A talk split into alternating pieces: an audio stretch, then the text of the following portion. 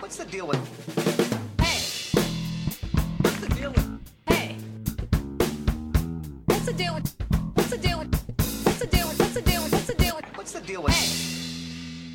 Her får dere en episode av Retrospellauget tatt opp i beste omikron-avstandsregler, som vår godeste statsminister akkurat har lagt på oss. Så nå sitter vi hver for oss, eh, alle tre, og skal snakke om dagens spill, som da er The Legend of Zelda A Link to the Past.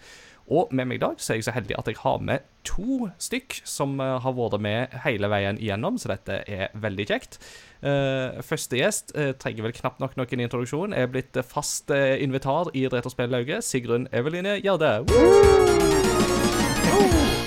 Velkommen, velkommen tilbake. Ja, fint å være her. Ja, Men eh, du er jo ikke alene gjest denne gangen, for vi har fått med oss en som ikke har vært gjest hos oss ennå, men som er definitivt en av våre mest trofaste lyttere og bidragsytere i discorden. Og det er alltid god stemning når vi spiller i lag, så dette har jeg sett veldig fram til å endelig få ta opp en episode sammen. Mine damer og herrer, ta godt imot Jon Vegard Jansen. Tusen takk. tusen takk. Det var veldig hyggelig å være med. Velkommen, velkommen. Dette er long overdue, vil jeg jo absolutt si. Um, har du lyst til å gi en eh, litt sånn kort uh, intro uh, om hvem, hvem og hva, hva, du er? Eh, ja, jeg er altså et uh, menneske, og En, eh, du det. Det var godt å få bekreftet. ja. På jobb så har jeg skrevet på Slack-profilen min at jeg er en systemutvikler og en spillentusiast. Ja, det høres jo så, rett ut. Ja, jeg er i hovedsak systemutvikler, men jeg har eh, også hatt en liten periode hvor jeg jobba i eh, Red Thread Games som spilldesigner. Mhm, mhm. Eh, så jeg jobba der et uh, halvannet års tid på, på noen interessante greier som jeg ikke kan snakke om. Ah. Vi Ja får- får heller komme tilbake til det hvis du kan bli letta for din NDA en gang, så får du heller ta kontakt. ja. Nei, ja. Nei, men også med jevne mellomrom når vi snakker sammen, så vet jeg at det er noen hester involvert, men uh, dere driver Ja. med noe hest, har jeg skjønt. Så du, Ja. bu, du bor ikke i by. Nei, ikke, ikke akkurat. Eh, meg og min kone har eh, en gård på, eh, på landet i, i Odalen. Som vi kjøpte oss for, eh, for ja, nå er det tre år siden. Så her eh, har jeg blitt da gifta inn i en, med en heste, hestedame. da, Så hun hadde to hester, og så har vi hatt eh, seks hester på det meste, men nå er vi snart nede i to igjen. Det, jeg skjønner at det å drive med hest, det må være ganske mye arbeid, så det, det kan sikkert være greit å trappe litt ned. Ja da. Jeg har blant annet eh, hatt en eh, I starten da jeg begynte å høre på podkasten til Crossover Gaming, så var det mens jeg møkka i, uh, i stallen, da. Så mine liksom Red Jeg har ikke spilt Red Dead uh, Redemption, men jeg, jeg har liksom Mitt minne av Red Dead Redemption er å gå og møkke i stallen mens jeg hører på det, da. At Ja. dere snakker om det. så var bare kjørte uh, RDR-IRL. RDR-IRL. Den, ble, den var, den var ikke ja, egentlig. Si det kjapt ti ganger på rad. Nei, eh, velkommen skal du være, iallfall. Nå skal vi få en uh, god samtale om eh, A Link to the Past. Et Zelda-spill som da interessant nok ikke har hester i seg. Eh, da må vi videre til andre Zelda-spill for å komme til det. Eh, Men i Retrospellauget så hadde vi da en avstemming om det var i oktober-ish, eller noe sånt, om hva vi skulle spille. Og da falt flertallet på A Link to the Past. Og det har da blitt andre Zelda-spill som vi snakker om i denne podcast-serien. Det første var jo Skyward Sword, um, og takket være det så fant jo Nintendo ut at de skulle gjenutgi det på, på, på Switch. Så da blir det jo spennende å se hva de gjør nå, nå som vi snakker om A Link to the Past. Kanskje vi får det, en oppfølger eh, igjen, eller eh, en ny versjon. Vi får se. Det hadde vært flott. Ja. Nei, jeg tenkte at eh, til å begynne med så tar vi jo alltid en kjapp introduksjon om eh, spillet. Litt sånn eh, kjekke fakta. Så eh, A Link to the Past er jo da det tredje Zelda-spillet i serien. Eh, og ble da lansert 21.11.1991 i Japan. Så mens vi holdt på å spille det, så har det faktisk hatt 30-årsjubileum. Det, det er litt kult. Wow. I Europa, I Europa så ble det lansert eh, 24.9.1992. Veldig fin dato. Det er min fødselsdag. Da ble jeg fem år, så det er fi, fin dag å få et eh, Zelda-spill på. Mm. Og det var da fortsatt på den tida der man måtte vente nesten et helt år før man eh, fikk eh, Før man fikk spillet fra Japan til, til Vesten. Så eh, Litt sånn apropos det vi snakket om sist gang i Retrospellauget, med at Donkey Kong-spillene ble jo lansert ganske simultant over hele verden, som jo var ganske nytt og revolusjonerende den gang. Mm. Ja. A Link to the Past er regissert av Takashi Tezuya, som er en eh, Nintendo-veteran som eh, for det meste er involvert i arbeidet med Yoshi. Um, han var òg sentral på arbeidet med eh, forgjengeren, eh, eller de to foregående spillene. Spillet er produsert av Shigeru Miyamoto, en mann som kanskje ikke trenger så veldig mye introduksjon for de som er vanker litt i spillmiljøet. Og det er skrevet av Kensuke Tanabe. Komponist på sin side er Koji Kondo, som jo òg har vært komponist på de foregående Zelda-spillene. Spillet solgte ganske så bra. Det ble en bestselger eh, over hele verden. eh, og totalt sett så solgte Super Nintendo-eksemplaret 4,61 millioner eksemplar på verdensbasis, som var ganske heftige tall på det tidspunktet. Mm. Spillet har Ja. òg ja, òg, eh, blitt relansert i sin tid. Eh, det kom jo en, eh, en relansert versjon til Game Boy Advance i 2002 til, i, i Japan og 2003 i Europa. Og dette spillet var da ikke bare en litt lettere lettere oppussa utgave. Den holdt seg stort sett tro til originalen, men fiksa på et par ting som gjør at det nesten er en litt mer optimalisert versjon av spillet. Men det kommer vi kanskje tilbake til. Mm. Det som er interessant der, er jo at det at eh, Game Advance-versjonen òg fulgte med et eh, ekstraspill som heter Four Swords Adventure, som da var utvikla av Capcom, som eh, Nintendo hadde en god akkord med på den tida. Capcom har jo utvikla flere spill i Zelda-serien, deriblant Oracle of Seasons, Oracle of Ages og The Cap. Eh, Zelda var eh, litt større spill enn det som var vanlig på Super Nintendo på den tida. De fleste spillene hadde en uh, lagringskapasitet på 4 megabit, men A Link to the Past hadde faktisk 8, som gjorde at den var vesentlig større enn eh, det som var vanlig. Og det gjorde at dette spillet hadde enda flere muligheter enn det som hadde vært mulig tidligere med Super Nintendo-spill. Mm. I tillegg så har dette spillet faktisk fått en direkte oppfølger. Det er da 3DS-spelet The Legend of Zelda A Link Between Worlds, som ble lansert i 2013. Og som da er en direkte oppfølger. På japansk så heter jo disse spillene Triforce of the Gods og Triforce of the Gods 2. Så i den japanske oversettelsen så er da dette enda tydeligere. At det er snakk om en direkte oppfølger. Og det som kanskje ikke alle vet, er jo det at spillet òg fikk en slags semi-oppfølger til den japanske eksklusive tjenesten Satellaview. Det er jo en tjeneste som er verd en episode i seg sjøl på et tidspunkt, men det var da et slags modem-basert, eller sånn satellittmodem-basert tillegg til Super Nintendo, som man broadcasta spill til live. Så for da å få de spillene, så måtte du logge deg på og laste det ned i liksom den aktive tjenesteperioden.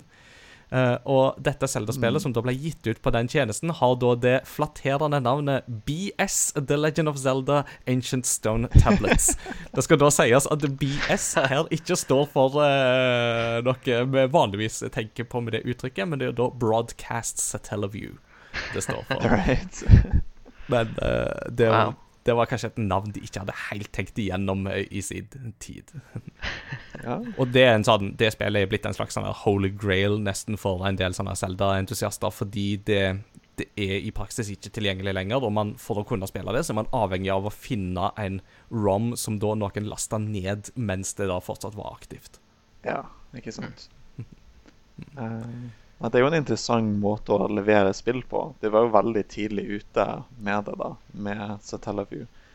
Um, Mm. selv om det må jo da nesten ses på som en forgjenger til det her med digitale lisenser og sånn, og plutselig er det borte. Og i 2020 så har Nintendo fortsatt med den trenden med å lansere spill som bare er tilgjengelig så og så lenge. Nei da. Um, no, noen ting forandrer seg ikke, dessverre. Ja. Jeg tenker at um, før vi da går i gang med å snakke om uh, vår gjennomgang, så er det òg kjekt å gi en kort oppsummering av selve historien av eh, spillet for lytterne. Uh, dette er jo det kanskje det første Zelda-spillet som har en veldig stor og utbrodert historie. Uh, men den tar jo da for seg landet Hyrule, der det ryktes at en gang i sin tid så var dette landet velsigna av den guddommelige kraften kalt Triforce. Eh, som da veldig mange søkte etter å oppnå. Eh, dette, eh, denne Triforcen befant seg da i The Sacred Realm, og mange forsøkte å karre til seg den kraften, eh, og det gikk jo som det måtte gå. Grådige mennesker og alt prøvde å rappe den til seg. Og det hele medførte at man måtte forsegle The Sacred Realm, altså denne egne verdenen, eh, gjennom da syv vismenn, syv sages. Eh, I motsetning til hva jeg trodde da jeg var liten, så hadde jeg ingenting med sagaer å gjøre. med ordet sages. Eh, Men når står vårt spill begynner, så har det seg sånn at kongeriket Hyrule har blitt eh, overtatt i det, nærmest et statskupp av den onde trollmannen Aganim, som da planlegger å ofre de syv maidens, som da er etterkommere av Seven Sages, for da å åpne opp eh, dette Sacred Realm, og dermed òg da slippe løs de onde kreftene som er der, og da få kalle til seg The Triforce. Dette er jo da et eh, plott som Aganim gjennomfører for da å slippe løs den onde Ganon, som jo er en uh, big bad som går igjen i de fleste Zelda-spillene. Så uh, A Link to the Past begynner da med en eh, mørk og stormfull aften der vår helt Link våkner midt på natta fordi han får en beskjed telepatisk fra Zelda om at hun er fanga i dungeonen i kjelleren. Så han eh, tar, går opp. Um, hans onkel sier til han eh, 'Jeg skal gå og sjekke hva det er, du må ikke gå'. Så tar onkelen som er knekt, han går til slottet. Link han følger selvsagt etter.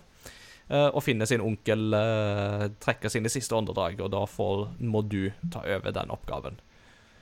Link befrir Selda, og eh, dere finner ut at det eneste måten å stoppe Aganim på, det er jo da å samle tre krystaller fra tre templer rundt omkring, og da få tilgang på The Master Sword, The Bane of All Evil. Dette går eh, sånn sakte, men sikkert, så går jo dette tålelig greit. Men eh, ikke før du har fått tak i The Master Sword, så får du en ny telepatisk beskjed fra Zelda om at hun har blitt fanga. hennes skjulested i The Sanctuary har blitt oppdaga.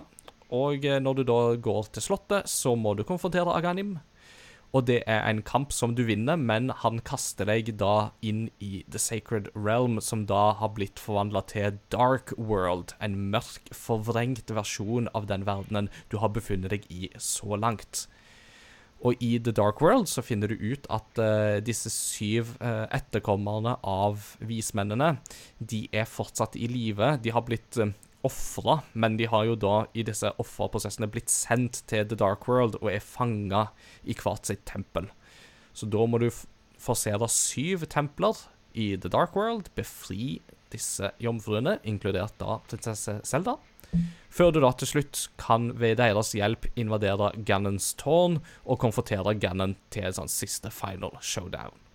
Og det er vel Seldas eller A Link to the Pasts historie i korte trekk. Og da tenker jeg vi kan snakke om vår historie, nærmere bestemt vår historie med serien og spillene, eh, eller dette konkrete spillet.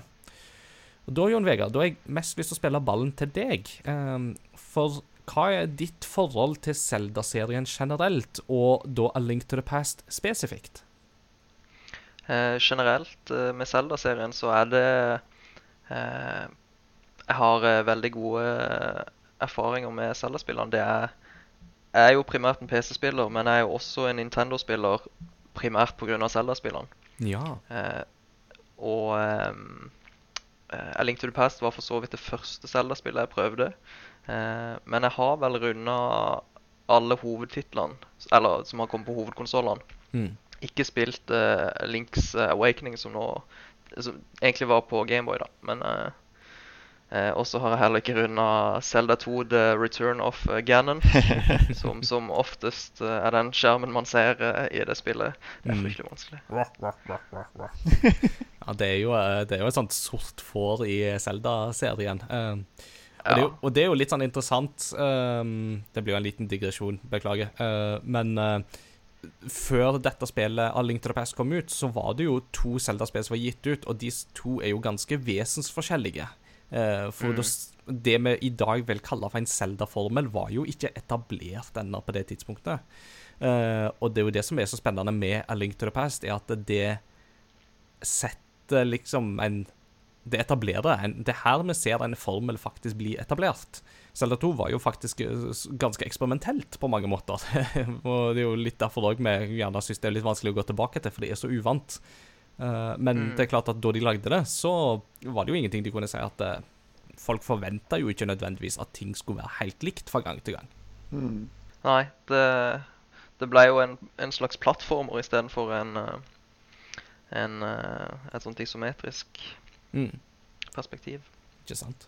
Du da, Sigrun. Du, har nå, nå må jeg tenke, var du med på Skyward Sword-episoden for et år siden? Det var du vel? Uh, ja, jeg ja, tror det. det. Det tror jeg. ja. Du kan ta en kort repetisjon om forhold til serien òg, det, det syns jeg. Men uh, spesifikt til A Link to the Past, hva er ditt forhold til det spillet for før? Ja, nei uh, A Link to the Past var ikke det første Zelda-spillet jeg spilte. Um, jeg spilte det på Game Boy Advance i de glade emuleringsdager. som vi jo har vært inne på i um, en av episodene. Um, Check it out. Ja, check it out. Uh, og jeg Så måten jeg har et forhold til det, er jo på en måte at jeg oppdager sånn Hæ, er det, er det et gammelt uh, Zelda-spill? Fordi jeg hadde jo ikke Snes eller Nes. Um, så jeg på en måte bare oppdaga det på, på Gameboy Advance. Og så lærte jeg etter hvert at å, det her er et spill som egentlig har kommet ut på Super Nintendo. Mm. Men eh, ja, altså Da har jeg jo også egentlig aldri fått den originale eh, Helt den originale opplevelsen. Eh, for sånn, sånn som du var inne på, så har det skjedd noen forandringer i denne versjonen som kom på Gameboy Advance. Blant annet så har du lydeffekter fra Aquina of Time Mm. eh, når Link svinger sverdet, men også når Link detter ned i et hull. Sånn Ja, det, det har du jo ikke i Super Nintendo-utgaven. Da er det bare sånn lyd. Ja.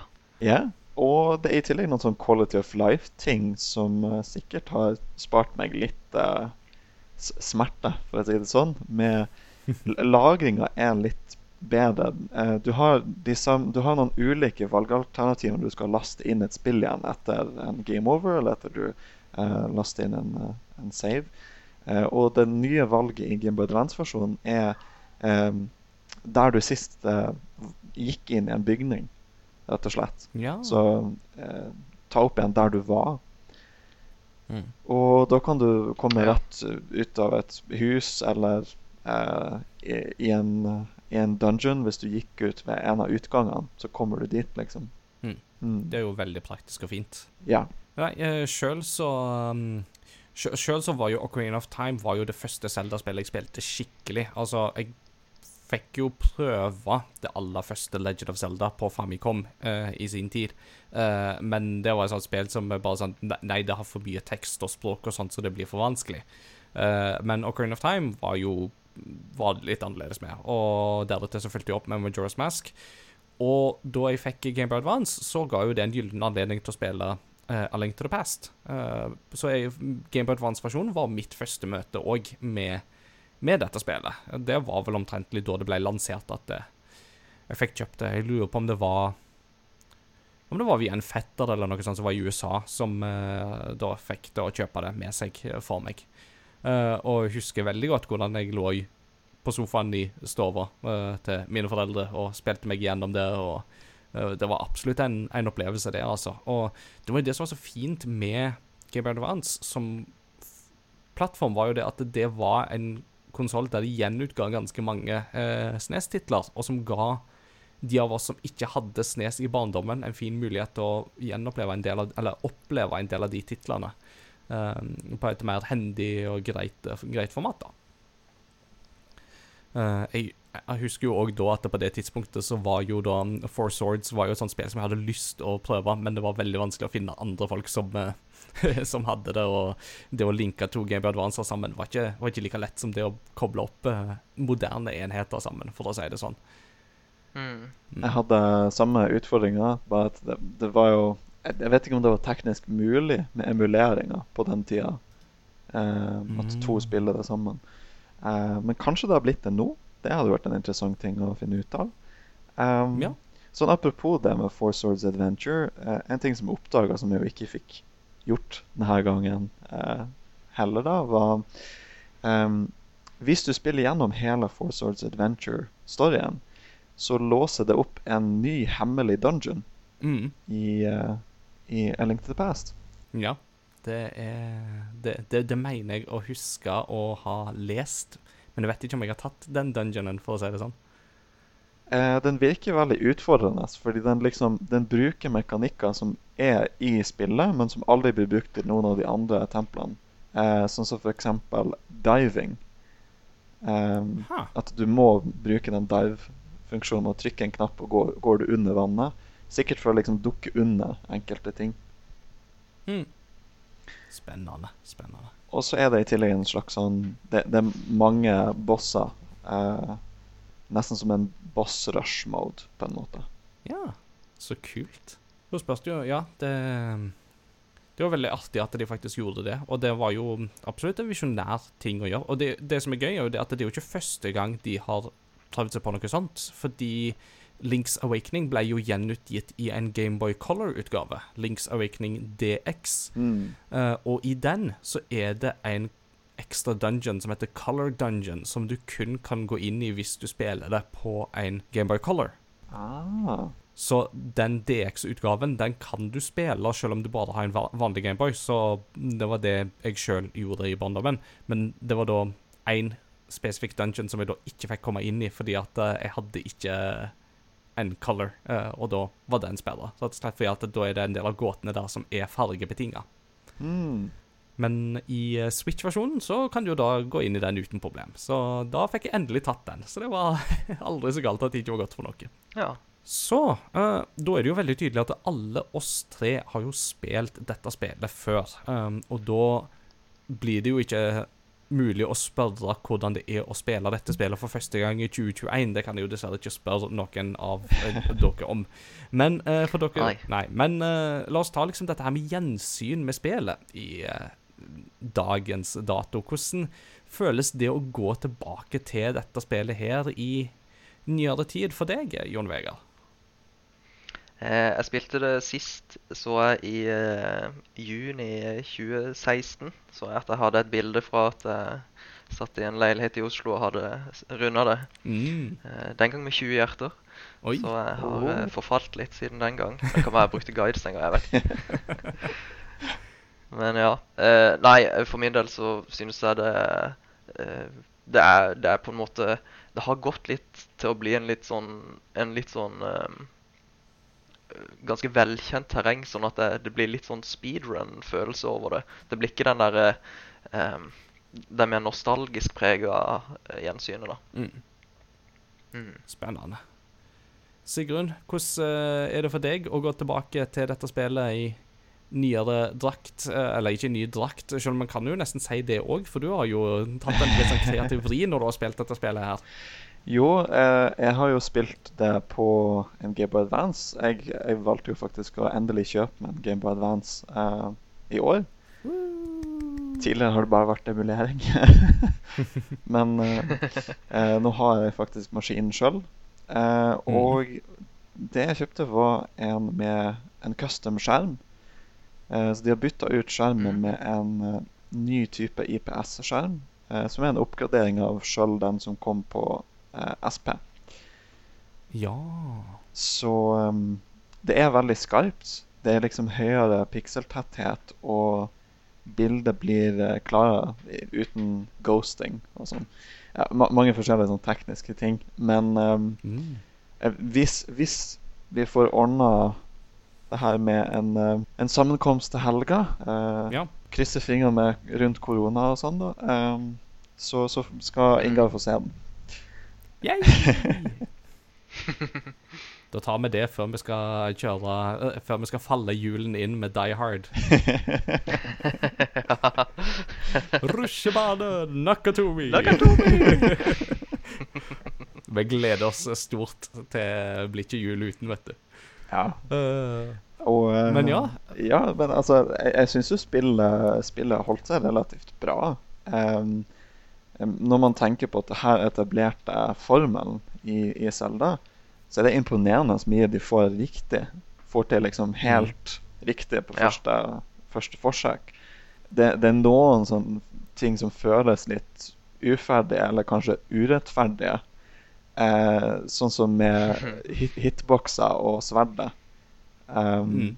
Ja. der det kan være litt vanskelig å treffe fiender med sverdet. Hvis du har vært vant til å spille andre 2D-Selda-spill. så akkurat i det her så er det litt sånn um, eh, finicky um, på om du treffer. Ja, det er det. Han har ikke en Han har ikke sånn symmetrisk uh, Hva det heter kone? Cone. Mm, Uh, men han, han begynner liksom han, han dekker ikke venstre side i det hele tatt, på en måte. mm. Kun høyre, tror jeg det er. Eller motsatt. Ja. Ja, for det er liksom tar utgangspunkt i at han holder sverdet i ene handa, og så er det mer på den ene sida at sverdet dekker. Mm. Mm.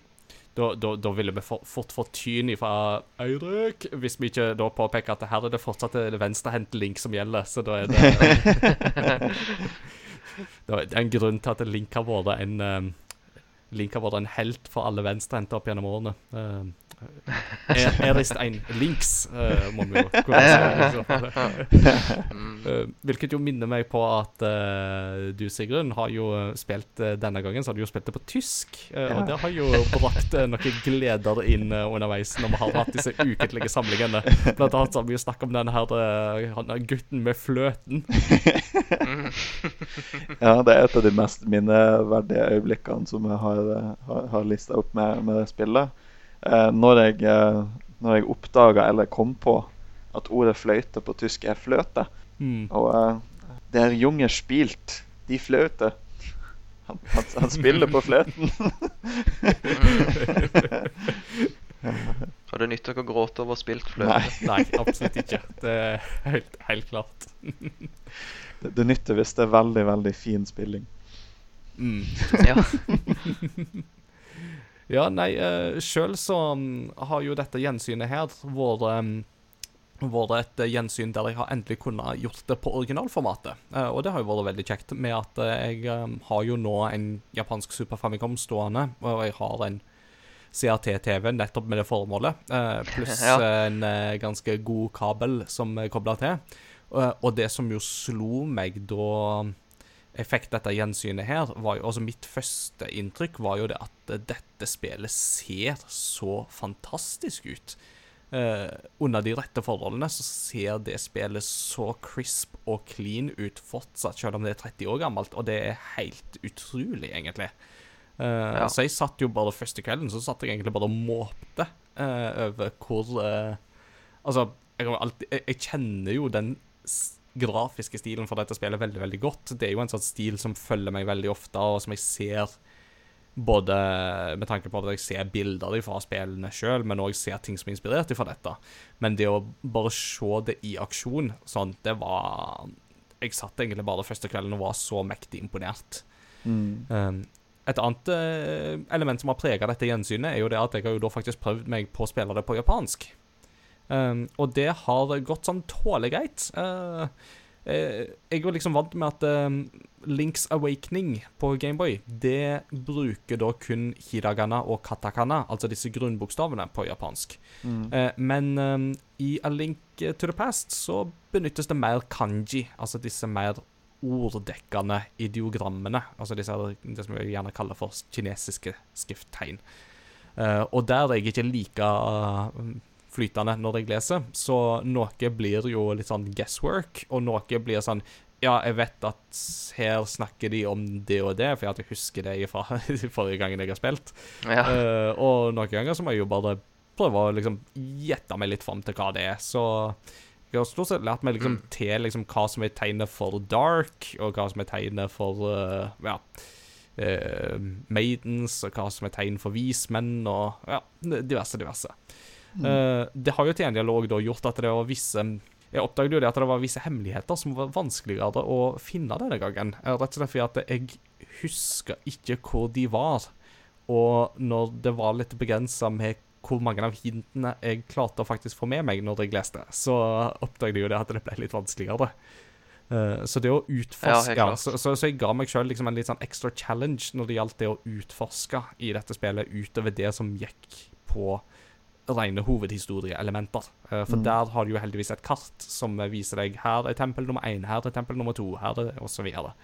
Så jeg brukte kartet vesentlig mer denne gangen, tror jeg, enn det jeg ellers ville gjort. Så det var et litt sånn artig element med dette gjensynet. Mm. Uh, nei, altså, det, det er jo et spill som har litt sånn diffuse gåter, eller um, hvor du skal gå videre.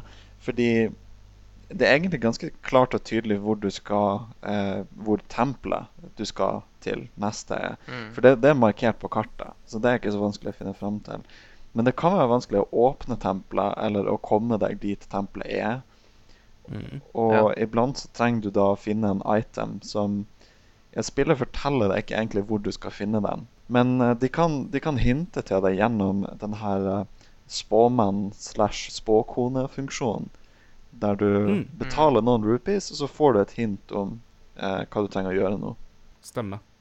Eh, men det òg forutsetter jo da at du er i stand til å lese det som står der. Så da, I'm kind of back to square one on this one. ja. Det, det gjør det, men, men det er jo på en måte et steg opp ifra eh, Link's Awakening, som så vidt jeg husker har noen veldig, veldig sånne eh, vanskelige gåter å løse eh, Mm. av og til. Eller Zelda 1. Mm. Ja, altså, Zelda 1 har jo minimalt med tekst eh, og gåter og hint eh, sånn utover It's dangerous to go alone. Take this. ja. Og kartet er liksom en firkant, og så blinker det en, fi en liten firkant inn i den store firkanten, Mm. som viser hvor du er. Mm. Men det er det. Ja. Og, av resten, det, da er det bare It's a secret to everybody. Ja. Så jeg tenker at eh, nå har vi jo liksom kartlagt litt av dette her med gjensynsgleden og litt sånt, og da tenker jeg at da går vi over i en litt sånn generell inntrykksdel av eh, dette gjennom, eller denne gjennomgangen da, av A Link to the Past. Um, uh, Sigrun, som nevnt, du har jo spilt det på tysk, um, og det har jo åpna for ganske mange kreative uh, holdt på å si kreative krumspring, men altså kreative oversettelser har det jo vært eh, noen av her og der. Um, vil, du, vil du fortelle litt om det til, til lytterne? Ja, jeg har jo nevnt den med, med fløten. Uh, den, den var ganske gøy. Men um, det er også noen ting som ikke nødvendigvis er oversettelse. Bare uh, enkelte ting høres litt annerledes ut når det er på tysk. Sånn som f.eks. Eh, advarselskilt høres litt mer alvorlig ut når det er på tysk, liksom. Når det står Achtung! Achtung! Lebensgefahr. Og så er det liksom, når du får sånne strenge beskjeder som står på sånne skilt Betreten des Todesberges streng verboten! Mm. Mm. Da skjønner du. Tåden. Ja, ja, det, det, dette, er, dette er alvorlige saker. Strengt forbudt. Mm. Ja. Um, og jeg syns også det var noen andre gøyale um, øyeblikk. Sånn som når du først kommer til Dark World, så får du en beskjed um, av eh, Jeg tror det er Selda som, eh, som Mm. snakker til deg, som gir deg den beskjeden. Så den fikk meg til å tenke på liksom, hvordan oversatte de det her i Star Wars? Fordi hun sier jo rett og slett Du bist die einzige Hoffnung. Ah. You're the only hope. Men jeg heter ikke Obi-Wan Kenobi. Now what do I press? Mm. Det ville jo for øvrig ikke vært um, eneste um, Super Nintendo-spillet som refererer til Star Wars, for det er jo faktisk òg noe som uh, du opplever i Final Fantasy 6. Så er det jo òg en sekvens der, der uh, Lock, som er en, en sånn Ah. pickpocket, en tyv, som må kle seg ut som en soldat uh, og befri noen av de fra en fengselscelle. Og idet han da åpner fengselscella, så får han jo beskjed Aren't you a little short for a soldier? Så det, det, det gikk litt sånn sport i å slenge inn litt Star Wars-referanser på det tidspunktet. Eh, den gang òg, og det har ikke blitt mindre av det siden den gang. Så Nei. Mm. Nei, det det er gøy at du gjorde det. Um, mm. et interessant uh, tysk uttrykk som jeg uh, oppdaga gjennom spillet, var I, mot slutten av spillet så kan du møte på en hemmelig fe uh, som bor, bor, rett og slett bor i pyramiden. I den store eh, pyramiden der den eh, siste kampen mot Ganon finner sted. Um, og hun, hun sier til deg da at hun har blitt forvandla eh, av, han, av han Ganon, og så, og så vil hun hjelpe deg. Liksom. Hun, hun gir deg eh, noen eh, Hun oppgraderer noen av våpnene dine. Eh, Mm. og det, det er faktisk oppgradering som du trenger for å slå uh, Ganon, siste bossen.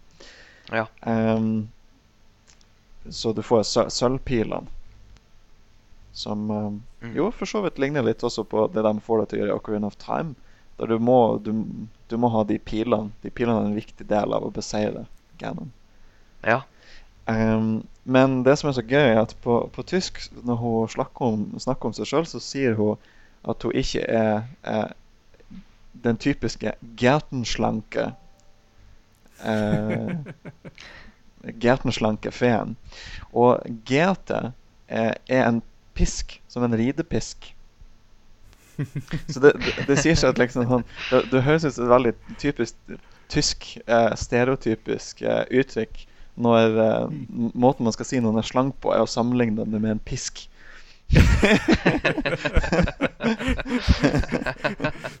Ja, det er visse elementer der ved tysk kultur som er Hva, hva skal du si? De er ganske, de er ganske frie. Uh, helt klart. ja. Eh, den, den, denne feen har jo òg en veldig sånn interessant måte å omtale sitt eget utseende på. For det er jo en fe som jo har da blitt eh, litt Hun ser jo litt mer lubben ut enn det disse andre Great Fairies gjør i dette spillet. Mm. Og hvis jeg husker rett fra våre møter, så snakker hun vel om på tysk at det er sånn at hun har blitt kjenda av Ganon. Og blitt for, altså, Mens i den engelske versjonen er mer bare sånn at I've been turned into this, eller noe sånt. Mm. Ja. Eh, og, og på japansk så er det jo òg litt artig, for at da snakker vi om at uh, uh, At du har blitt uh, choppiri futotta.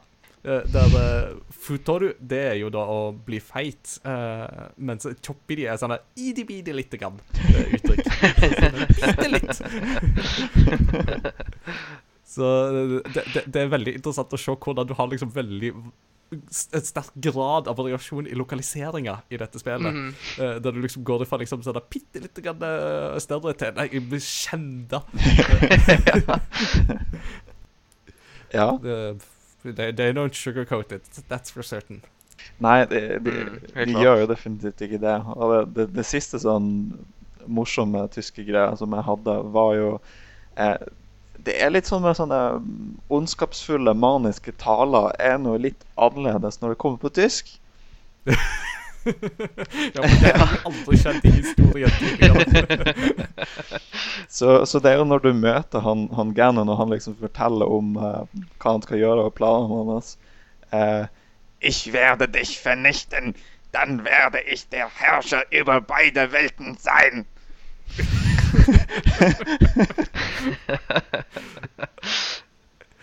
Helt, helt klart en helt annen tone uh, på tysk. Ja. Ikke, ikke like spennende på japansk der, eh, dessverre. Um, Iallfall ikke i dette spillet. Det er klart at japansk er et veldig bra språk å høres sint ut på, men det er lite stemmeskuespill å finne her, så eh, ja. Mhm. Det kan jo også ha litt med våre egne assosiasjoner til, til det tyske språket, kanskje via eh, NRK-programmer som Allo, allo. Ja, ja, ja. Ja. For ikke å glemme gode gamle Derek. Vassist lås. lås? Jo da, men eh, jeg, er, jeg er jo tysklærer, så eh, jeg må jo også av og til kunne spille på eh, kortet 'Hitler snakker tysk'. Eh, fordi alle elevene gjør jo det. Mm. det er jo alltid veldig fascinerende Mm. på skolen for de som lærer tysk. Det er det de assosierer på en måte med, med tysk. da. Ja. Ja. Selv om det kan være et veldig fint språk. Absolutt. Absolutt. Jeg har selv hatt tysk i fem år og uh, får veldig stort utbytte av Rammstein-tekster. Takket være det, så jeg er veldig takknemlig for det. ja. Hadde ikke hatt eh, samme gleden hvis jeg hadde hatt fransk, sånn som planen egentlig var. Så, uh, men det, Hmm. det blir jo en annen, annen variant. Uh, var jo litt inn på dette her med i forhold til lokalisering så er det jo litt forskjellige eh, språklige nyanser her og der. Og det er jo en sånn Mm. artig ting med tanke på eh, litt sånn lokalisering ellers, så var det jo en, noen referanser her og der som ble endra mellom eh, den japanske utgaven og den amerikanske utgaven. For på dette tidspunktet så hadde jo Nintendo of America hadde jo ganske strenge retningslinjer for hva spillene eh, deres kunne inneholde og ikke. Og Og veldig mye av det som jo ble luka vekk, var jo ting som refererte til religiøse elementer, f.eks. eksempel. for det var sånn man tok vekk for at det skulle ikke være et støtende materiale, eh, potensielt sett.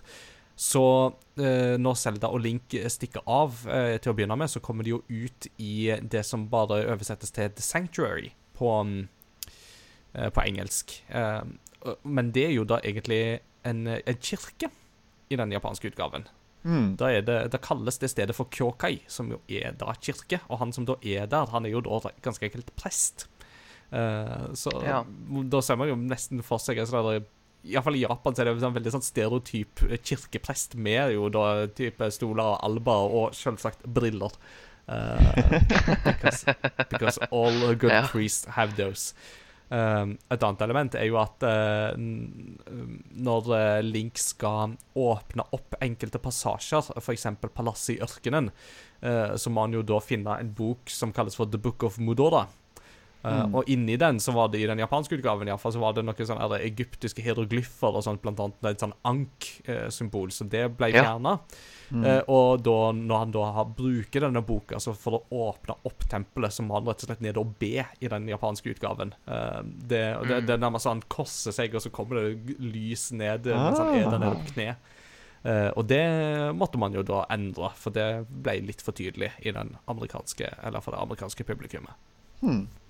OK. Uh, men en annen ting er, er jo òg et element som slo meg, som er sånn det, det er en del av spillet som fortsatt er med i alle utgavene, men som kanskje er en referanse som går litt hus forbi for det vestlige publikum, er disse feene som du kan besøke, og så kan du kaste ting oppi fontenen, og så får du en bedre ting ut av det, blant annet denne litt uh, større feen uh, i pyramiden.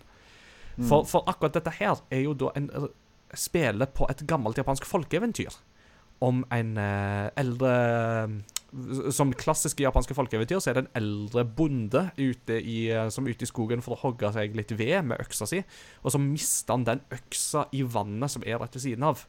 Um, Mm. Og det er jo stor sorg, for at han har jo bare den øksa. Han er fattig, han har jo ikke råd til noe nytt. Men da kommer det en sånn sko, altså vannymfe opp ifra dette vannet, eller liksom vanngudinnen, kommer liksom med en, da, en gulløks uh, og spør han eh, er det du som har mista denne gulløksa. Uh, nei, svarer han, den øksa jeg mista, det er bare en vanlig rusten, gammel øks.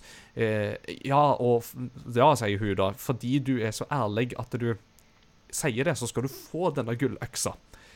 Um, men så er det jo da ja, veldig fascinerende å liksom se hvordan dette er jo da Det eventyret her er jo faktisk da vevd inn i Zelda-universet på den måten. Mm. Ja, for det er så tydelig i den teksten at det er det Jeg hadde ingen peiling på det før du sa det. At det, at det er jo der de har tatt det fra. Mm.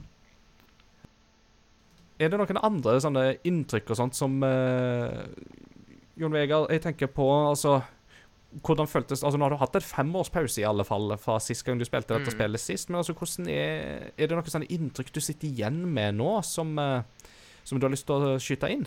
Eh, det er Nei, altså eh, Sist gang så klarte jeg det jo med 20 hjerter, da, så jeg må jo ha forfalt litt. Jeg vet ikke, Men jeg tror det Det er jo Jeg syns det er et bra spill fortsatt, rett og slett. Jeg syns det Jeg klarte det uten å dø. Nå blir det veldig skrytete, men jeg ble veldig, jeg ble veldig, veldig stolt da, av det. Ut, at jeg fikk det til uten å dø. Eh, måtte bruke det der speilet noen ganger for å, eh, for å trekke meg ut eh, de gangene jeg var veldig, veldig nærme. Eh, så det var Men, men jo, eh, jeg fikk jo eh, i løpet av disse eh, samlingene våre, så eh, delte jo eh, dere også av deres erfaringer og noen hint, eller sånne triks. Mm. For det er annet et sånt eh, magisk pulver Mm. Ja. eh, du kan bruke på fiender som gjør de om til mye forskjellig. Og så i, eh, i alle spillene, eller, eller tidligere, jeg mener eh, de andre gjennomspillingene jeg har hatt, så har jeg irritert meg over disse her eh, det er en sånn rosa, spinnende fiende som du ikke kan ta. Mm. Som tar magi av deg, og så tar han livet av deg, og så Ja, må bare unngå den her skikkelig, skikkelig irriterende. Mm. Men eh, så, eh, så var det en av dere som delte at den kan du jo eh, bruke dette magiske pulveret på. Og så gjør han om til en fe, Mm. som er ekstremt bra. Mm. For da får du jo masse, masse liv. Eh, og, og det er bare What? Det hadde, det hadde jeg aldri eh, visst fra før. så det var kjempe, kjempenyttig. Mm. Eh, og så et annet triks med, med at du kan bruke en sånn magisk eh, kraft, da, for å, en sånn vindkraft, for å se sånne eh, Disse her eh, Dette usynlige gulvet som du møter på ganske seint i spill. da. Mm. Mm. Som egentlig du må bare gjette deg til hvis du ikke har det. Mm. Eh, så mye sånne eh, det, det er fascinerende at fortsatt etter 30 år liksom, så kan en eh, finne ut av sånne hemmelige, hemmeligheter da, som, eh, som en egentlig går hus forbi eh, hvis ikke. Mm. Det er kjempefascinerende å se, altså. Og det Mm. Uh, Ja. hvordan, følte, hvordan følte du det, Sigrun, da vi spilte det, uh, med tanke på litt sånn der eh, Oppdaget du noe nytt når vi spilte det? Og uh, ja, altså det, det er ikke så mange av de her tingene som jeg husker. Ja. Eh, noen av de tingene som jeg gjenoppdaga, og som også er kult litt på den samme måten som han, Jon Vegard nevnte nå, var jo det med eh, mange kule, skjulte ting som har en ganske stor verdi. Det er gjenstander som du kan plukke opp i spillet som du ikke må ta for å komme deg gjennom spillet, men som er veldig, veldig nyttige. Um, Mm. Blant annet har du en eh, magisk kappe eh, som, som gjør deg eh, usynlig og udødelig eh, til magien din eh, går tom.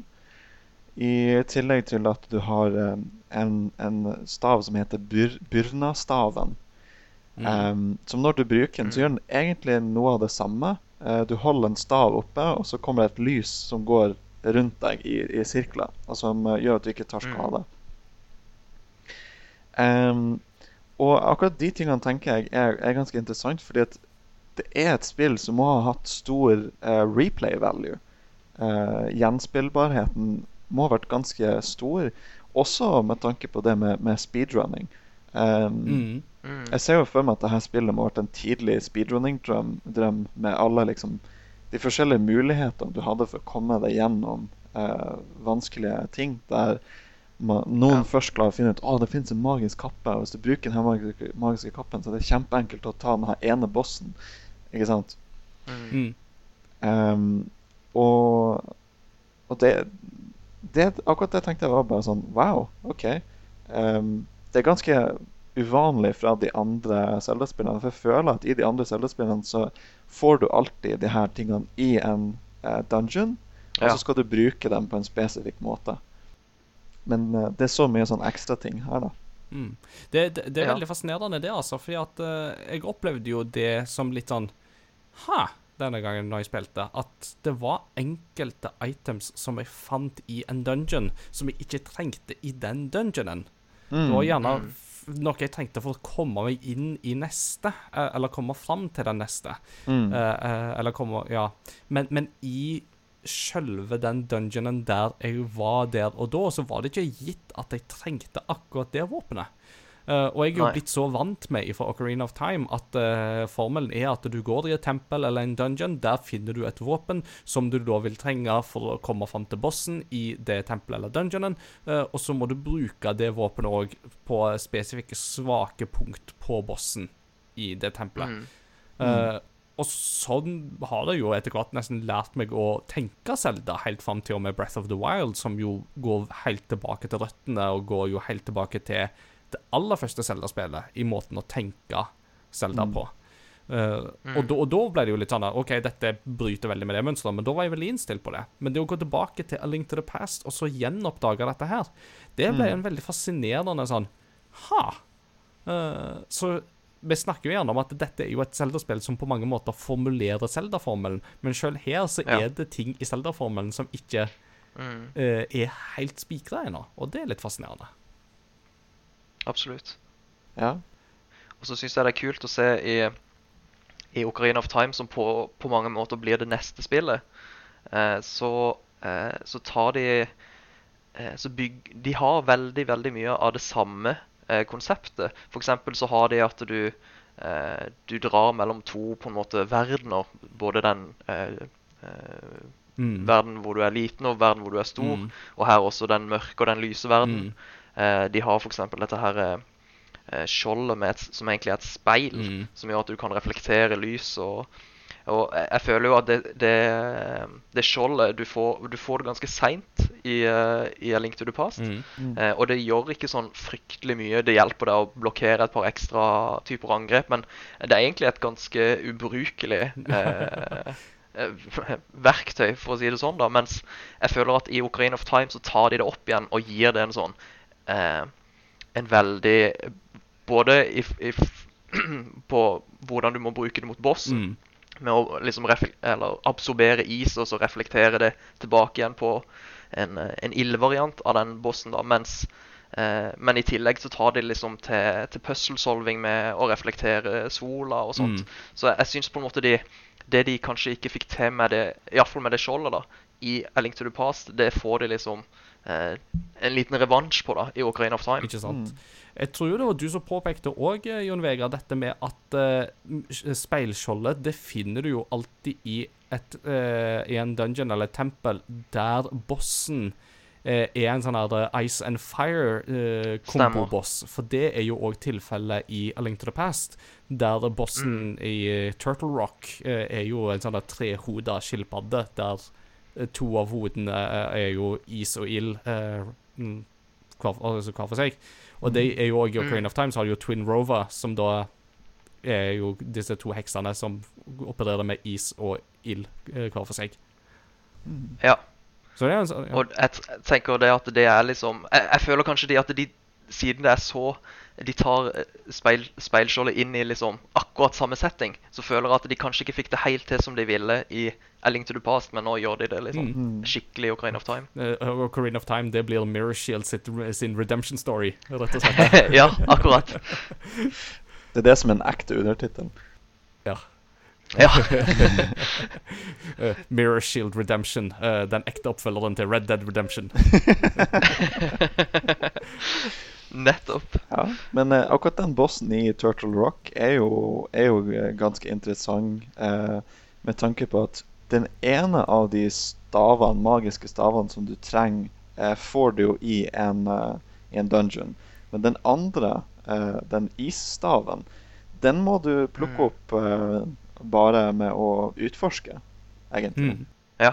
Og, og det var veldig tilfeldig at jeg fant den, uh, for å si det sånn. Så jeg kunne fort ha vært stuck på den uh, bossen i det tempelet der, og det hadde vært litt surt, for det var et tempel der jeg daua ganske mange ganger.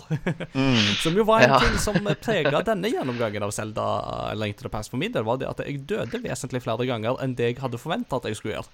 Mm. Uh, så det var sånn Jeg merker absolutt at dette er det, det er ikke et umulig vanskelig spill, eh, det, det er det slettes ikke. Eh, men det var langt mer utfordrende enn det jeg så for meg. Og Mm. jeg opplevde langt på vei at eh, jeg, jeg, jeg måtte ta meg sjøl i at dette er et spill som utfordrer meg mer enn det en del nyere Zelda-spill gjør. Ja. Der der Ja. jeg føler at jeg har mer kontroll som følge av at jeg behersker mekanikkene bedre, eller at det, de kanskje bare rett og slett er lettere. for den saks skyld. Ja. Nei, og det, det er også en, den tingen som vi var inne på tidligere, med, med hitboxer. Um, ikke bare at det, det kan være litt vanskelig å treffe fiendene med sverdet, men uh, av og til når de dytter bort til deg, så eh, er det ikke nok sånn eh, knockback. De blir ikke dytta bort nok når de treffer deg. Så av og til kan de liksom bare sitte innpå deg og ta hjerte Ja. etter hjerte etter hjerte. ja. Mm. Eh, så det Skikkelig stønn. Ja, du blir rett og slett låst fast, altså. Men um, så det er noen ting som gjør det mer, mer utfordrende uh, enn andre Zelda-spill. Um, Mm. Men uh, en annen ting som, som jeg satt igjen med, var jo det med musikken. Og Mhm. hvor mye av det som er Zelda-musikk som skapes her, da. Mm. -hmm. Eh, Helt, helt klart. Og det er Koji Kondo på sitt aller, aller beste her, altså. Det tror jeg nesten du får i dette spillet. Det kan fort konkurrere med å være noe. Altså, Mm. hans sterkeste album helhetlig sett. Det tror jeg nesten fort Ja. kan være. Eh, bare helt ifra innledningsfasen, der du får dette temaet som spilles mens du får bakgrunnshistorien om The Sacred Realm og Aganim som har overtatt, og hele pakka, og som fortsetter å gå mens du går der ute i regnet. Mm. helt til du kommer inn i slottet og får dette fantastiske Hyrule Castle-theme, som jo er så det sånn du, du, du blir så slått i bakken over hvor pompøst og mektig den musikken er. Eh, og da, spesielt i en tid der eh, sånn som Sega var jo gjerne den Altså Sega Megadrive var jo den konsollen som kanskje kunne stille med ofte litt fetere beats og lyd i spill som Streets of Rage eller Sonic the Hedgehog, og hadde definitivt på en måte en lyden og musikken på sin side, men A Link to the Past viser at Super Nintendo hadde jammen mye å stille opp med, de òg, altså. Ja, virkelig. Mm. Og du ser det jo på de senere spillene hvor mye de tar herfra. Mm. Sånn som uh, Zeldas Lullaby. Å, fra Ocarina of Time. Nei da, den er fra Link to the Past. Ga Ganons theme, som du jo hører litt sånn i Nei da, den er herfra, den òg, gitt. Uh. ja. Uh, Ending-themen til uh, Wind Waker. eh, når de eh, Når de er under vann og eh, eh, Spoiler. ja. Den er kongen Mm, dør. Eh, så er det jo dette her eh, mektige, pompøse Castle, Hyrule Castle-teamet. Mm. Mm. Ja.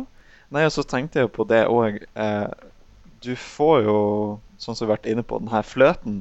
Du får den fløyta eh, i det her spillet. Ja. Og den, den bruker du jo for å warpe, for å reise rundt. Og det er jo spesielt. Altså, det er jo en okarina. Det er jo Det ser jo Ja. ut som en ocarina.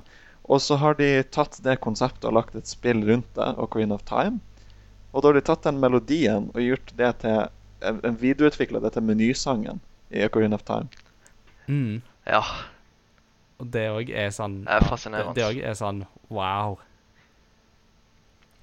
Og det er um, Absolutt. Eh, og det, det er jo for øvrig en, eh, et tema som eh, går igjen i andre spill òg, som Koji Kondo har vært involvert i. For det er i Super Mario Bros. 3. Så finner du òg den melodien når du ja, Ja. på fløyte for å warpe. Eh, for, for det har du jo eh, i eh, Super Mario Bros. 3. Så har du disse her fløytene som du kan bruke til å gå fra verden til verden. Og da får du den da, da, da, da, da, da, Og så kommer den tornadoen og tar deg av Mm. gårde. Også fra Zelda 1, vel, bruker de den, Mm. Mener jeg. Mm. Så det er, det er nærmest som et Koji Kondos signaturmotiv, det der, altså, som uh, veves inn, og som da blir ekstra utbrodert i Ocarina of Time. Mm. Um, jeg syns jo også at uh, det er gode bosser. Det, det er god, god kreativitet her, føler jeg, i, i 2D. Um, Ja. Jeg syns f.eks. den bossen der du må bruke hookshot eh, for å liksom dra av eh, fiender, eller dra av deler av eh, bossen. Mm. Kjempe, kjempekult. Må ha vært kjempekult på den Mm. tida, liksom. Ja. Ehm, jeg kan ikke se for meg Hookshot at gjør jo òg en eh, god opp, opptreden her. mm, Mm. Jeg kan ikke se for meg at noe spill har gjort akkurat det med en boss på denne tida, liksom. Nei, jeg, skal iallfall godt gjøre oss å finne noe som er på samme nivå, altså. Ehm, man har jo også den der eh, dinosauren med metallhjelm. Mm. Ham, Ja. Hamre løs med hammer. Ja. Ha- Hammer time! ja. Og, og for øvrig da ganske greit å ha en boss som ikke bare er et stort øyeeple. ja. Som jeg forstår det er et, et ankepunkt her i dette spillet. Eller sånn, det var sånn Uh, Ja, det, det tempelet med den øyebossen uh, Du må være litt mer spesifikk. ja. Det, det er litt mange øyer, uh, det er klart. Men Mm. samtidig så er de ganske forskjellige å slåss mot, da. Eh, Det er de. det, det er positivt. Du har liksom Den ene av de er et øye som er fryst ned i en isklump. Så da må du liksom først smelte isen. Mm. Mens en, eh, en Ja. annen av dem er bare liksom et stort øyeeple med mange små øyeepler som den sender mot deg. Mm. Tenk, tenk så fælt det må være å spille dette spillet her hvis du har litt sånn fobi mot det, sånne løse øyer og sånt. Det, Ja. det, det, det, det should, they should put a warning on that. Uh, men dette var før uh, aldersgrensa og hele pakka, vet du. Uh, ja. different time. Eh, altså syns jeg det er også veldig kult den bossen som du får ganske sent ut i uh, Dark World, som heter Blind. Um, Ja. Fordi da, da tar du først liksom og går inn i et rom, og så er det ei, ei jente som ser ut som ei prinsesse, uh, som sier hun, hun har blitt fanga der. 'Å, du må redde meg. Du må, eh, du må ta hjelpe meg ut.' Eh, omtrent på lik måte som Selda gjorde først. Og så Mm. er det jo de her sju etterkommerne som er prinsesse eller jente som du leter etter i de her Mm. templene. Mm. Så det, det virker jo som det gir mening. Og så plutselig så leder hun deg inn i eh, du, du, du tar henne med i et rom eh, der det er noe lys som kommer ned ovenfra. Og når hun går inn i det lyset, så blir hun forvandla til bossen. Mm. Og, så, Ja. og så kommer bosskampen, og det er, Ja. Ja. det er kjempekult. Altså, det er til å tenke liksom så kreativt. Og så merker du jo veldig fort at det er noe galt her, fordi at eh, når, når Ja. du skal gå ut, så vil hun jo ikke gå ut den veien. Mm. Nei. Så du er litt stuck. Og så får du liksom noen sånne hint at eh, ah, det pleide å bo en eh, tyv her som heter Blind the Thief. Han var ikke noe glad i lyset. Mm. Og det får du liksom kjempetidlig i Ja. OK. Ja, kult. Du må bare, må bare huske det, rett og slett. Ja. Og faktisk klare å lese det. Eh, ikke minst. Det, det hjelper. Um, nei, altså Det er jo flere gode dungeons som har litt sånn kreativt uh, design, sånn som uh, Skull Woods. mm. Um, Mm. Som er veldig stilig, for at du må gjennom Skull Woods flere ganger ehm, når det er Light World, når alt på en måte er bra der. Ehm, Mm. Og uh, når du drar tilbake igjen i Dark World, så er det blitt om til en dungeon. Uh, hvor du da beveger deg inn og ut av, uh, av dungeon. Ja. Mm. Den er jo rett og slett stykka opp i tre eller fire separate stykker, som jo faktisk må Ja. du, du må ut i skauen og finne de forskjellige inngangspartiene. Og det er kjempefascinerende måte å tenke dungeon-struktur på. Eh, Mm. Ja. Som bare igjen viser liksom litt sånn at her, her, her leker de seg eh, langt mer, altså, takket være sterkere hardware og Ja. De, de er mer trygge på seg sjøl i, i utfordringa. Mm. Helt klart, og jeg syns det er kult hvordan de bruker etasjene til å liksom OK, her Nå står jeg rett over der jeg ville stått i første etasje. OK, her er det et hull. Jeg hopper ned. Ja, da treffer jeg akkurat her. Mm. Og her var det tilfeldigvis eh, noe jeg måtte treffe. Eller eh, ja, at man må tenke vertikalt. Ja. Verticality var allerede et uh, ord eh, jeg A Link to the Ja, tenk det. Og, og det. og det er helt nytt fra mm, så langt jeg husker i originale Selda, altså aller første spillet, så er alle dungeons på ett og samme nivå. Uh, Så da har du jo ikke Mm. det elementet av vertikalitet. Eh, og ene tempelet, sånn som det, altså det femte tempelet i Dark World, som er midt ute på sjøen der, da, der må du jo Der er jo hele tempelet liksom rett ned. Du begynner i toppetasjen, og så Ja. er, må du lenger og lenger, lenger, lenger, lenger ned. Og der må du jo tenke Mm. veldig liksom Oi, her er det et hull. Altså at jeg må faktisk dette ned i akkurat det hullet for å komme meg ned. Så det er jo en sånn veldig spennende tankegang, uh, syns jeg, da. Uh, Absolutt. Mm. Eh, men det er jo um, ikke alle av disse her bossene som uh, fungerer like godt på én måte. fordi at det er jo Mm. noen av disse bossene uh, har vi jo vært inne på med at det er jo eh, veldig mange øyebosser og, og Mm. sånt. Og, og noen bosser er jo da òg litt sånn at det krever jo veldig at du må absolutt ha stacka opp før du går inn. Sånn som eksempel i dette tempelet Ja. her, med at du må passe veldig på at du har nok magi. For hvis du går tom for Mm. magi, ja, synd for deg, da må du helt ut igjen. Ja, Ja. Så det er Mm. nådeløst, altså. det, det er ganske nådeløst. Og eh, jeg, jeg døde jo mange flere ganger i, i det her spillet enn jeg har i andre Zelda-spill. Jeg også. Mm. Um, kanskje spesielt på siste bossen, så ble det Jeg tror jeg dobla antallet ja. på bare siste bossen. Sånn, sånn hva det gikk. Um, men Ja. altså når man er inne på det med liksom bosser, så er det jo Det er jo så mange fiender som introduseres i det her spillet. mm. Um, Mm. så mange nye fiender som blir, blir staples i, i resten av Zelda-universet. Mm. Eh, kan, kan vi i Ja. den forbindelse bare si til Nintendo Kan vi få tilbake disse her grønne pingvinene med hoggtenner? Som elsker å skli på isen. Kan få de tilbake? Vær så Ja. snill, de er, de er jo helt fantastiske. Og disse her eh, dragesoldatene som går rundt omkring og spruter ild på deg, de er jo kjempetøffe. Altså, jeg vil ha disse tilbake, rett og slett. De ser så stolte Ja, ut. ja, ja. Er jo sånn Honorable Dragon Warrior. Mhm. Eh, det- kanskje de er Dragonborns? Åh, oh, det var ikke- Nei. Kan være. Vi hører jo ikke Vi har jo ikke stemmeskuespill, så det kan være at det egentlig Ja, at det er, når de spruter ild, så er det egentlig Fosfoda!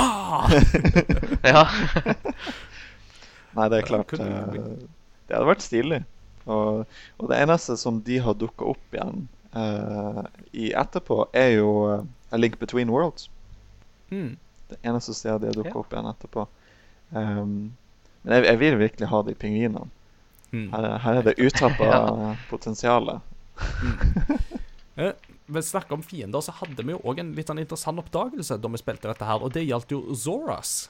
Eh, Mm. For der hadde Ja. vi jo en veldig spennende oppdagelse, fordi eh, i Ocarina of Time så er vi jo vant med at Zoras de er en vennlig rase. Eh, Vil det ikke noe vondt, og i, sånn som i Twilight Princess òg, så er det jo en stolt eh, rase som i utgangspunktet er dine allierte.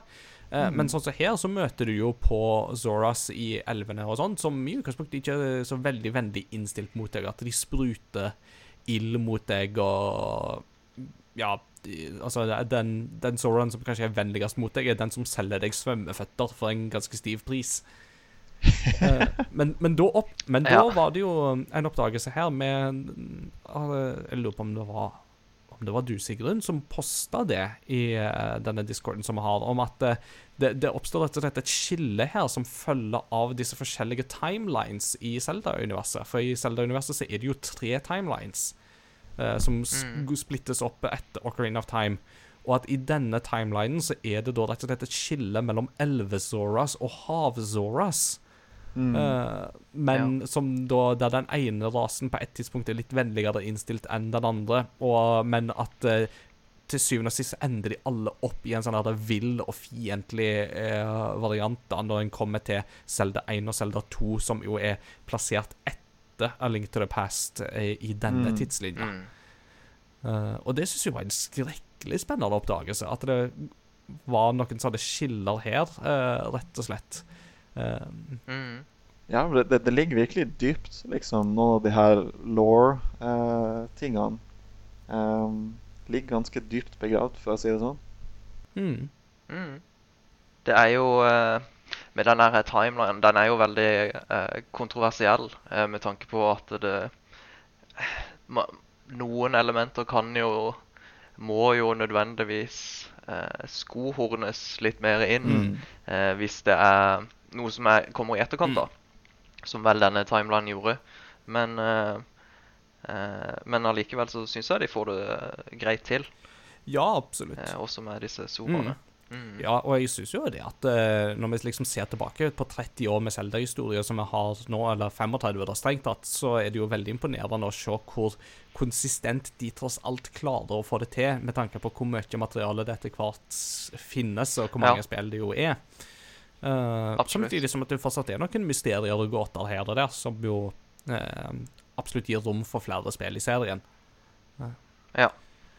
Ja. Um, Mm. en um, Er det noen flere sånne inntrykk som vi sitter med, som vi skulle ha Er det noen flere våpen som vi skulle, skulle ha mm, toucha innom, eller er det flere fiender, eller templer? Eh, jeg syns det var gøy med den der eh, staven som heter Somaria-staven. Ja, den som på japansk heter Somalia-staven. Ja. Da måtte jeg jo faktisk spørre dere hva, hva heter den staven på engelsk nå igjen? For jeg, for jeg syns jo det var så fascinerende å få en stav på japansk som bare heter Somaria. Og da, selvsagt da på japansk, altså, Fordi at man på japansk ikke skiller mellom la og ra, så blir det jo da sånn Somalia-staven? What? Ja det, var, litt, var litt forvirrende, fordi at jeg, jeg, jeg satt jo igjen med den følelsen og prøvde å finne Hvordan har de tenkt Eh, det er en stav som skaper blokker. Eh, Det er jo eh, Ja, den er jo praktisk, da. ja, eh, den er jo ganske kul på måten den brukes i en av de siste eh, dungeonene. Er det i Turtle Rock? Ja. Ja, Mm. stemmer I det. Turtle Rock så er det helt Litt sånn som denne her eh, Ja, stemmer. Mm. For da, da må man jo liksom lage blokker som du så kjører rundt i et sånn mønster, også som et slags sånn puslespill. Da må man finne ut hvor skal jeg, eh, hvor kan jeg snu, Ja. og, og så videre, sånn som det, mens du prøver å unngå fiender. Mm. Jeg får jo veldig assosiasjoner til denne her Beybladen i uh, Twilight Princess. Ja. Eh, det, for det er liksom et sånt item hvor du Ja, eh, i Twilight Princess så er det jo et hjul du spinner på, Mm. som du kan kjøre oppover langs sånne rails, Mm. da. Uh, På enkelte steder. Og det er jo enkelte steder kun du bruker denne her. Og den Ja. Det er en veldig sånn one time One trick pony. Ja. Så eh, du takker liksom den frem mot genen Hei, se på denne. Se på min Beyblade! ja. Se for meg en Kane of Somalia som jeg kan bruke til å lage blokker som jeg kan kaste på deg. Det hadde vært en Mm. fryktelig fascinerende YouTube-serie, ser jeg for meg. Så der eh, Link slåss mot Ganon med våpen som generelt sett er ganske ubrukelige ellers. Ja. Mm. Eh, det, det bringer meg òg til det der fascinerende punktet med hvor oppbevarer Link alle disse tingene når han ikke bruker de. Sånn som da denne Beybladen fra Twilight Princess. Som jo er Altså, Ja. han, den er jo så stor at han står på han. ja. Ikke sant? Ja. Eh, men da han tar den vekk, så blir det borte. Ja. Eller i Ocarina of Time også uh, disse her jernskoene. Ja. det, ja. Eh, For da synker han jo under vann når han har de Mm. på.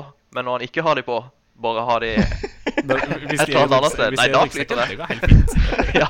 ja, ja, ja. Ingen problem. Put, the- put, them, put them on your feet, and all of a sudden the laws of physics now apply. ja. Mm. Nei, altså kanskje Link har ei lomme, sånn som uh, Doraemon. Ja, kanskje det. En sånn four-dimensional pocket. Ja. ja Kanskje det. Eller uh, Brødrene Dal sin Ja, reisesekk. reisesekken, ja. Ikke sant? Det er jo òg et så godt eksempel. Hvordan ødelegger ikke de ryggen når de tross alt går rundt med et flygel oppi der? Og en, pei og Ja, en ikke peis. Ja. Uh, det kan jo Ja. tenkes at uh, Brødrene Dal faktisk hadde spilt litt Zelda og henta litt inspirasjon. ja. ja, kanskje det.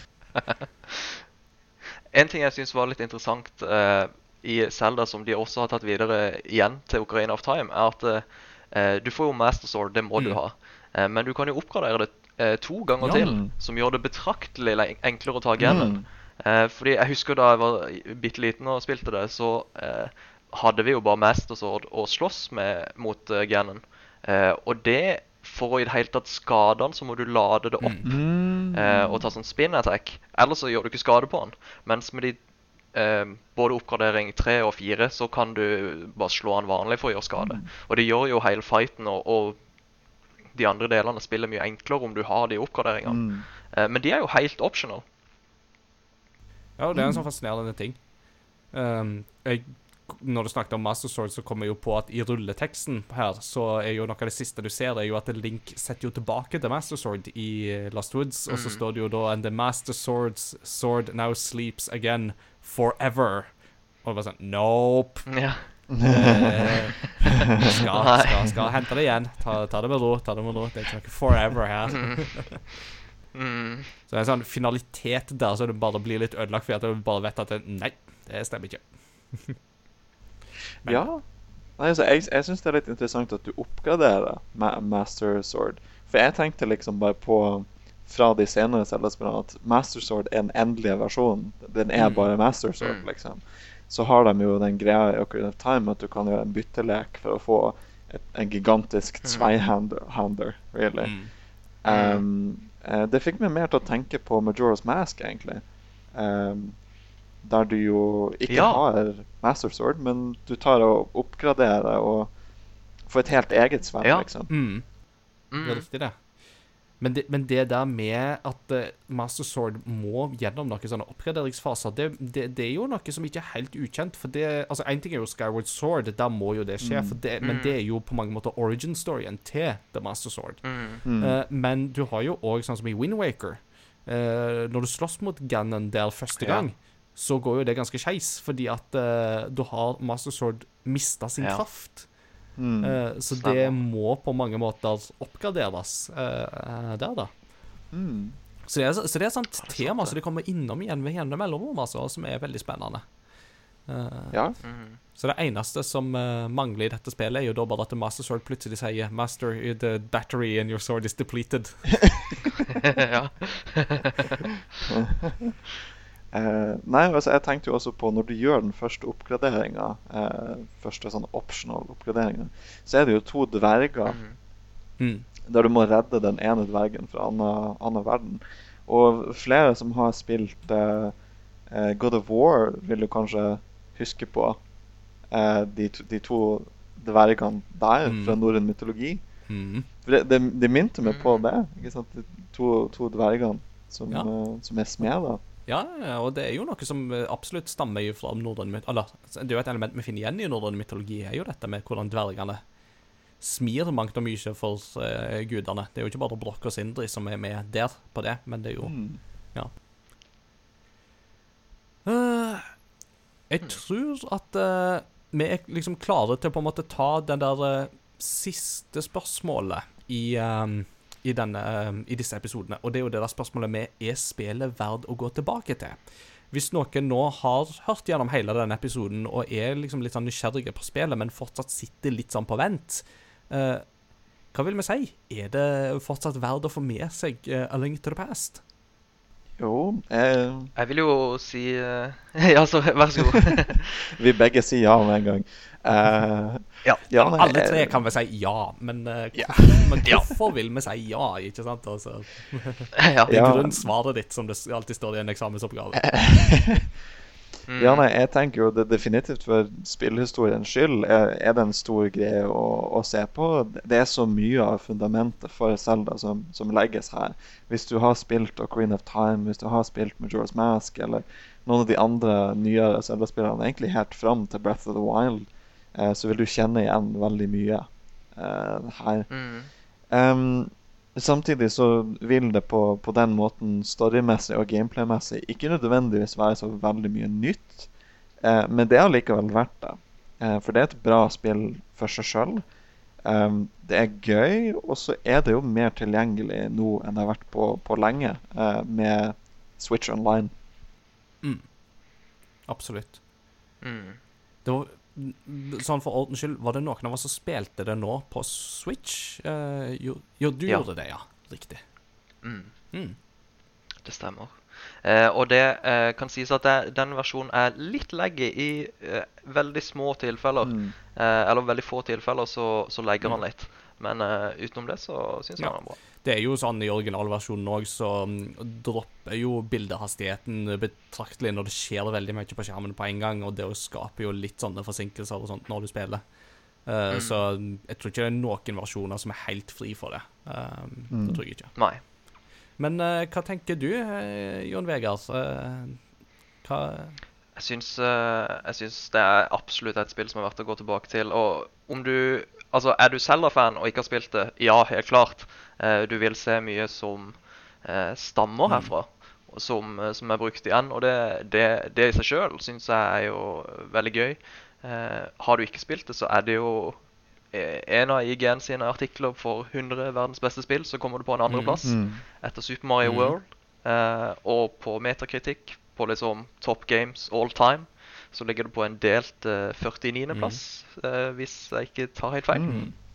Eh, så det er jo Og jeg syns gameplayet er Det er utfordrende. Eh, om du ikke har spilt det før, så kommer det til å være utfordrende og by på en challenge, men eh, eh, det er mye der som eh, er like belønnende da, når du får det til. Mm. Og eh, mange, eh, mange kule spillmekanikker og sånt som du låser opp underveis, som, som en egentlig eh, kanskje ikke skulle forvente av et såpass gammelt Nei, spill. ikke sant? Mm. Og det mm, Ja. Og musikken er jo fantastisk. Ja. Nei, jeg er helt enig i alt det som er sagt her, eh, stiller meg bak alt det. Eh, jeg tenker at det er noe litt sånn der evig klassisk med dette spillet, med at det er noe de treffer her som bare er så det, det, det bare funker så utrolig godt over så lange tidsperioder. Og det er bare noe Altså, nå har det jo kanskje litt med min forkjærlighet for hele denne generasjonen, altså hele den 16-bit-generasjonen, syns jo at det er veldig, veldig mange spill som er har holdt seg fryktelig godt, uh, sammenlignet med hvor Mm. tid det ble produsert. Um, og jeg syns jo at det er så mange ting de treffer her, uh, som jo Vi har vært inne på at dette er jo et spill som virkelig etablerer Zelda-formelen, og det er en grunn til det. Det er fordi at det er så Mm. mange ting de gjør her, som bare er fantastisk slitesterke og holder seg kjempebra. Eh, Jeg skulle gjerne ha Mm. tatt litt færre bosser som ser ut som et øye, uh, og fått liksom noe litt, med litt mer variasjon, men det er liksom vi er på det nivået der av litt sånn småplukk, på en måte. Uh, Mm. For det er, her er det så mange ting som er gøy og utfordrende. Og en ting som jo dette spillet har gjort meg veldig gira på, er at uh, nå i juleferien så håper jeg på å få lade opp 3DS-en min, og så har jeg kjempelyst til å spille A Link Between Worlds igjen. For det har jeg faktisk ikke spilt siden det kom ut. Uh, og da kjenner jeg at eh, vet du hva, det er for lenge, og nå er jeg liksom litt i den der eh, A Link to the Past-verdenen, i den modusen. Nå er jeg veldig klar for å Mm. liksom fortsette i den verdenen litt grann til, og nå har jeg faktisk Mm. den muligheten. Mm. Så jeg tenker at det er en sånn sjanse jeg Ja. skal benytte meg av. Ja, det høres ut som en god idé. Uh, jeg, jeg Mm. tenker jo også sånn En ting som virkelig sitter fast i meg, uh, og som satt fast i meg før jeg, jeg spilte det her, som har gjort det helt siden jeg, jeg spilte spillet første gangen, er jo det som du nevnte tidligere, med begynnelsen. Eh, musikken, regnet, eh, det å gå inn i Ja. eh, eh, Hyrule-slottet. Um, altså, akkurat de tingene en bare sett. Mm. Mm. Og jeg tenker jo på en måte på den tida med det man kunne representere av grafikk som var 16-bit. Jeg skjønner hvorfor eh, en del folk, når Windwaker kom ut, ble skuffa over at det var tegne, uh, tegneseriegrafikk og sånn. Fordi jeg føler at Mm. det her er liksom en sånn dark fantasy i 16-bit. Ja. Barnevernlig dark fantasy. Mm. Mm, ikke sant? Eh, for det er veldig mye mørkt i dette spillet her, når du tenker over Mm. det. Altså, Mm. det begynner En hel med verden. Ja. Altså, det begynner med menneskeofringer, og onkelen din dør, og det er liksom Det er jo ikke måte på hvor mørkt det er til tider, men det Samtidig så liksom Hadde ikke hatt noen kvaler med å liksom presentere dette for den yngre generasjonen i dag, så lenge de Nei. føler at de behersker engelsk som tåler greit. Eller man kan spille det i lag med dem, ikke sant? Det òg er jo en Mm. sånn glede med dette her. Ja, Ja. Jeg føler at det, det er liksom en sånn unik ting som, som kommer litt av at det er 16-bit. Man kan Mm. klare å representere det både på, en måte, på den ene måten og på den andre måten samtidig. Ja. Mm. Ikke sant. Flott. Eh, jeg tenker at eh, nå har praten gått eh, kjempelenge, men det er jo klart at dette er et spill som det er veldig mye bra og gøy å snakke om, og vi har sittet med masse inntrykk etter denne gjennomgangen, og det er ingen tvil om at uh, eh, A Link to the Past fortsatt er et spill som eh, vi vil gå varm og god for i retrospill-lauget, i alle fall. Mm. Avslutningsvis så må vi jo ha et postludium, eh, og da har jeg ikke satt noe sånn spesifikt. Men eh, Jon Vegard, dette er jo faktisk eh, din første episode som du er med. Er det et spesifikt tema fra dette spillet som du har lyst å avslutte episoden med? Eh, Det er jo et tema som er kjempe, kjempebra, eh, og det er jo Dark World-temaet. Mm. eh, som treffer deg bare som eh, Altså, når du tror egentlig spillet var over, for du har tatt ferdig Lightworld, på en måte, så åpner det seg opp en ny verden, og dette temaet kommer. Mm. Bare se for deg det at det, da er det litt sånn The adventure has only begun-følelse. Mm, helt klart. Wow. Flott. Eh, perfekt avslutning. Uh, tusen hjertelig takk til dere begge for at dere var med i denne episoden. Uh, takk for inntrykkene underveis som dere har delt, og de andre som òg har vært med i løpet av de episodene, eller de samlingene vi har hatt. Eh, vi har ikke bestemt oss ennå for hva som blir neste Retrospill-lauget-spill. Eh, vi skal ta litt juleferie nå, men eh, i januar så kommer vi til å ta en ny avstemming og kommer til å lande på et spill på det tidspunktet. Hvis du som hører på har lyst til å være med på det, da har vi ukentlige samlinger. Eh, sett deg en heimelekse og gjør den, og så møtes vi der det passer. Og alt dette skjer da via vår Discord-server, som du finner lenke til på crossovergaming.no. Eh, og så er det da Retrospellauget-kanalen der. Så der må dere bare bli med. Med det så sier vi takk for nå. Vi snakkes ved neste korsvei, og god Zelda-jul. Ha det! Ha det! Ha det!